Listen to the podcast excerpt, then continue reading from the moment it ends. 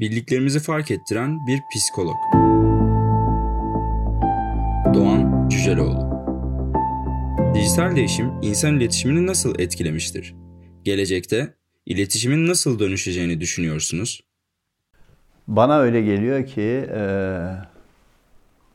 yazının keşfi gibi yeni bir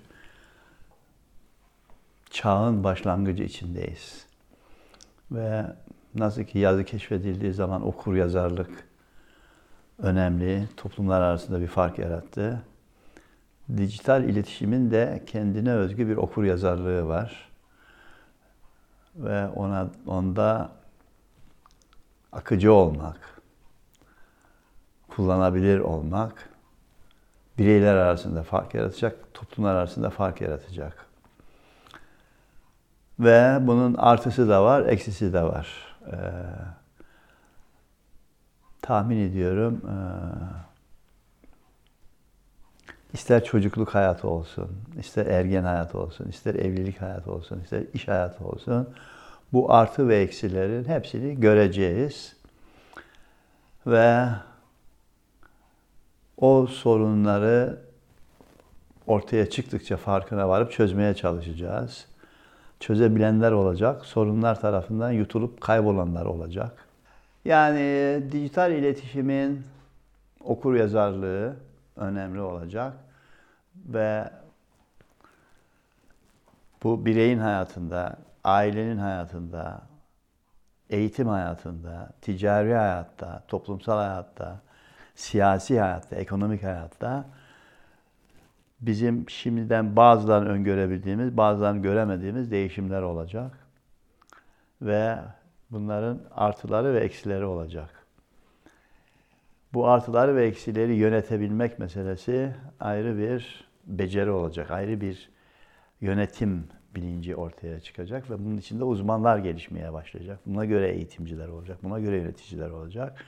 Yepyeni bir alan oluşuyor insanlık hayatında.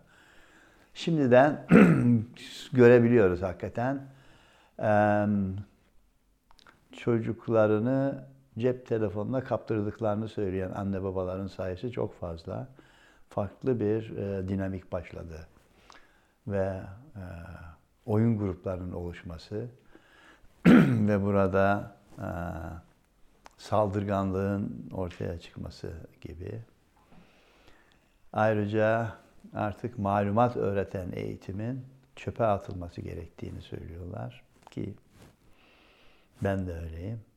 Düşünmeyi öğreten eğitim ortaya çıkacak. Çünkü malumat, bilgi yığınla var. Hangi alanda istersen böyle saniyeler sonunda avucunda. Onun için etkileyecek kesinlikle. Hangi yönde ne kadar etkileyecek, artıları, eksileri ne olacak? Bunu takip etmek lazım. Ve buna göre hazırlıklı olmak lazım, uyanık olmak lazım. Ve etkilemeden korkarak biz dijital iletişimle kendimizi koruyalım, girmeyelim bu işin içerisine dersek çok süratle çağ dışı oluruz. O zaman gerçekten bizi çok olumsuz etkiler her yönden.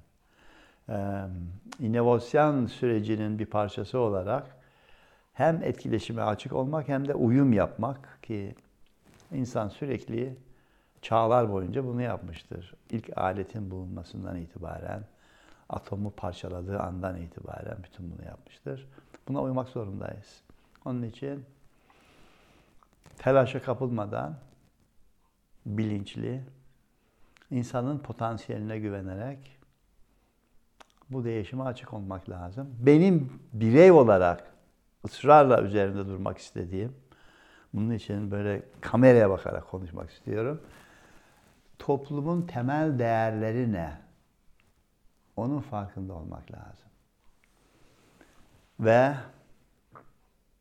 bir inancımı söyleyeyim bu yaşta, bütün bu çalışmaların sonunda doğru değerleri, evrensel değerleri benimsemiş bir uygarlık oluşturmuş toplumlarda gelecek her zaman için olumlu yönde açılacaktır.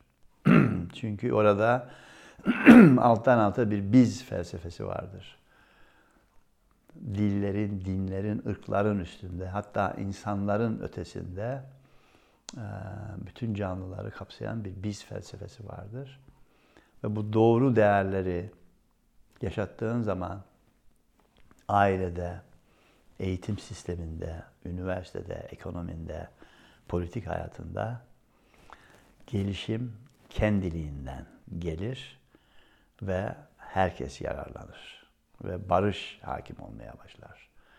Bu benim çok güçlü bir inancım ve bu yönde insanlığın düşe kalka düşe kalka istibdattan gerçek demokrasiye doğru emekliye emekliye yürüdüğünü görüyorum.